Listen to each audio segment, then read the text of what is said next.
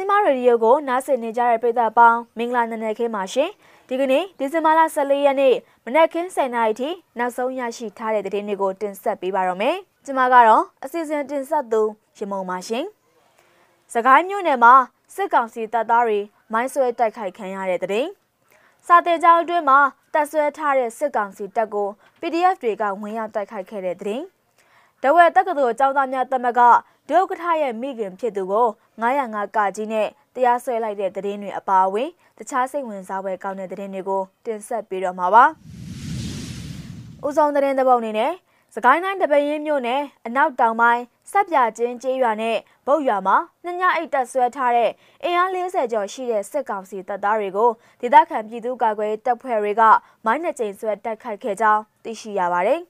ဒီဇင်ဘာလ12ရက်နေ့မှာအဲ့ဒီကြေးရွာကိုဝင်ရောက်တက်ဆွဲခဲ့တာဖြစ်ပြီးတော့မနက်ပိုင်းမှာပဲတပရင်မျိုးနဲ့9မိုင်ခန့်ကွာစင်တောင်းရွာနဲ့ထောင်တန်းရွာကြားမှာတစ်ကြိမ်ငဝဲတော်ရွာနီးမှာတစ်ကြိမ်နှစ်ကြိမ်မိုင်းဆွဲတက်ခိုက်ခဲ့တာဖြစ်ပါတယ်။နှစ်ကြိမ်မှာမိုင်း6လုံးနဲ့ဆွဲခဲ့တာဖြစ်ပြီးတော့စစ်ကောင်စီဘက်မှထိခိုက်ကြဆုံးမှုများနိုင်ကြောင်းပြည်သူ့ကာကွယ်ရေးတပ်ဖွဲ့ PDF တပည့်ရန်ဖွဲ့ခေါင်းဆောင်ကိုကောင်းငင်ကပြောခဲ့ပါတယ်။စစ်ကောင်စီတပ်သားတွေကိုမိုင်းဖြင့်သာအဓိကတိုက်ခိုက်ခဲ့တာဖြစ်ပြီးတော့တနက်နဲ့တိုက်ခိုက်တာတွေကိုမပြုတ်လုပ်ခဲ့ဘူးလို့သူကဆက်ပြောတာပါ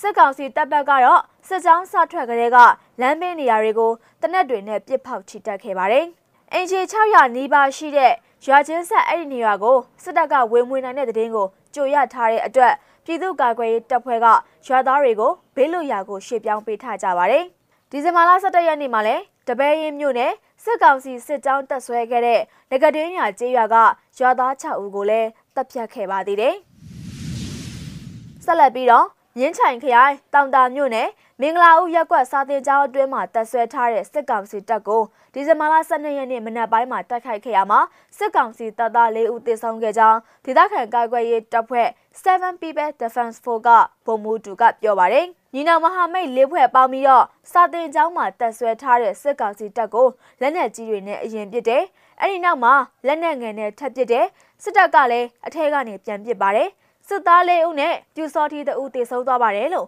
သူကမျက်စိမှကိုပြောကြားခဲ့တာပါ။အခုလိုတိုက်ခိုက်မှုကိုတော့မြင်းချံခရိုင်အခြေစိုက်27 Revolution လက်တိုးကြီး Regional PDF မြေလက် PDF နဲ့7 People Defense Force ညီနောင်မဟာမိတ်တပ်ဖွဲ့တွေကဝင်ရောက်တိုက်ခိုက်ခဲ့တာဖြစ်ပါတယ်။စစ်ကောင်စီဘက်ကတေဆုံးသူတွေမှာပြူစောတိခေါင်းဆောင်ဆိုတဲ့အမျိုးသားတအူပါဝင်ပြီးတော့အရာရှိတအူလည်းထိခိုက်ဒဏ်ရာရရှိခဲ့တယ်လို့သိရပါတယ်။ တဝက်တက္ကသိုလ်ကျောင်းသားသမကဒုဥက္ကဋ္ဌရဲ့မိခင်ဖြစ်သူကို905ကကြီးနဲ့တရားစွဲလိုက်ပါပြီ။တဝက်တက္ကသိုလ်ကျောင်းသားများသမကဒုဥက္ကဋ္ဌမက်သီရီမိုးရဲ့မိခင်ဖြစ်သူဒေါ်တတ်တထွေးကိုစစ်ကောင်စီဘက်ကပုံမှန်905ကကြီးနဲ့တရားစွဲဆိုထားတယ်လို့သိရပါတယ်။နိုဝင်ဘာလ10ရက်နေ့ညမှာတဝယ်မြို့နယ်ကနိုင်းတာရွာမှာရှိတဲ့မက်သီရီမိုးရဲ့အသက်46နှစ်အရွယ်ရှိတဲ့အမေဖြစ်သူဒေါ်တသက်ထွေးနဲ့ အသက်16နှစ်အရွယ်ရှိတဲ့ညီမဖြစ်သူတို့ကိုဖမ်းဆီးသွားခဲ့တာပါစစ်ကောင်စီတပ်ဖွဲ့ဝင်တွေကမက်သီရီမိုးကိုဖမ်းမမိတာကြောင့်အမေဖြစ်သူနဲ့ညီမဖြစ်သူတို့ကိုအခုလိုဖမ်းဆီးသွားတာဖြစ်ပါတယ်ဖမ်းဆီးသွားပြီးတပတ်အကြာမှာမက်သီရီမိုးရဲ့ညီမဖြစ်သူကိုအသက်မပြည့်တာကြောင့်ပြန်လွတ်ပေးခဲ့ပြီးတော့အမေဖြစ်သူကိုတော့ဆက်လက်ဖမ်းဆီးခဲ့တာပါလက်ရှိမှာတော့မက်သီရီမိုးရဲ့မိခင်ဖြစ်သူဒေါ်တသက်ထွေးကို ပုံမှန်905ကကြီးနဲ့တရားစွဲထားပြီးတော့တဝဲအကျဉ်းထောင်မှာချုပ်နှောင်ထားတယ်လို့သိရပါတယ်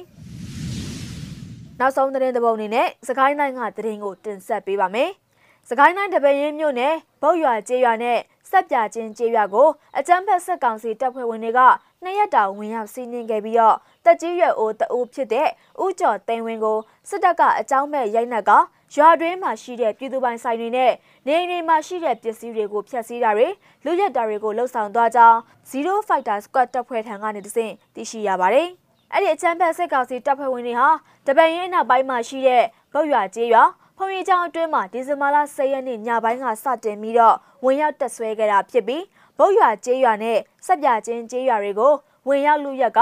ဗုတ်ရွာကျေးရွာသားတက်ကြီးရွယ်ဦးဦးကျော်သိန်းဝင်းကိုအကြောင်းမဲ့ရိုက်နှက်ခဲ့တာဖြစ်ပါတယ်။ ဗုတ်ရွာကျေးရွာတွေကနေအများပြားနဲ့တက်ဆွဲရဗုတ်ရွာဖုံရီကျောင်းနာကွတ်တရွက်ဗုတ်ရွာကျေးရွာကနေအိမ်တွေနဲ့ဆက်ပြချင်းကျေးရွာကနေအိမ်တွေကိုစစ်ကောင်စီတပ်သားတွေကဖောက်ထွင်းလူယူဖျက်ဆီးတယ်။ပြည်သူတွေရဲ့ပတ်စံတွေလက်ဝဲရတနာတွေမြေပဲစီပုံတွေကိုလည်းသွန်ပစ်ထားခဲ့ပါတယ်။တခြားသုံးဆောင်ပစ္စည်းတွေကိုယူဆောင်သွားတယ်။အိမ်မွေးတရိတ်ဆန်တွေကိုလည်းတတ်သွားပါတယ်။ဘုတ်ရွာကျေးရွာကမိုဘိုင်းအလင်းရောင်ဖုန်းပို့ပစ္စည်းနဲ့ဖုန်းပြင်ဆိုင်ခန်းတွေကဖုန်းသစ်တွေ ပါဝါဘန့်တွေမှန်ကတ်တာတွေအသွင်ကျိုးတွေကိုလည်းအကုန်ယူသွားပါတယ်လို့အဲ့ဒီဒေသခံတအုပ်ကဆက်လက်ပြောကြားခဲ့တာပါအဲ့ဒီအချမ်းဖက်စစ်ကောင်စီတပ်ဖွဲ့ဝင်တွေဟာလက်ရှိအချိန်မှာတော့ဘုတ်ရွာကျေးရွာနဲ့ဆက်ပြချင်းကျေးရွာကပြန်လည်ထွက်ခွာသွားချိန်မှာဒေသခံပြည်သူတွေကကျေးရွာတွေအတွင်းကိုပြန်လည်ရောက်ရှိလာပြီးတော့စစ်ကောင်စီတပ်ဖွဲ့ဝင်တွေထပ်မံတက်ဆွဲထားမှာကိုစိုးရိမ်နေကြောင်းသိရှိရပါတယ်ဒီဇင်ဘာလ14ရက်နေ့မနက်ခင်း10:00နာရီထိ နောက်ဆုံးရရှိထားတဲ့သတင်းတွေကိုမြစီမရေဒီယိုကနေထုတ်လွှင့်တင်ဆက်ပေးခဲ့တာပါ။နားဆင်ပေးခဲ့တဲ့အတွက်ကျေးဇူးတင်ပါတယ်ရှင်။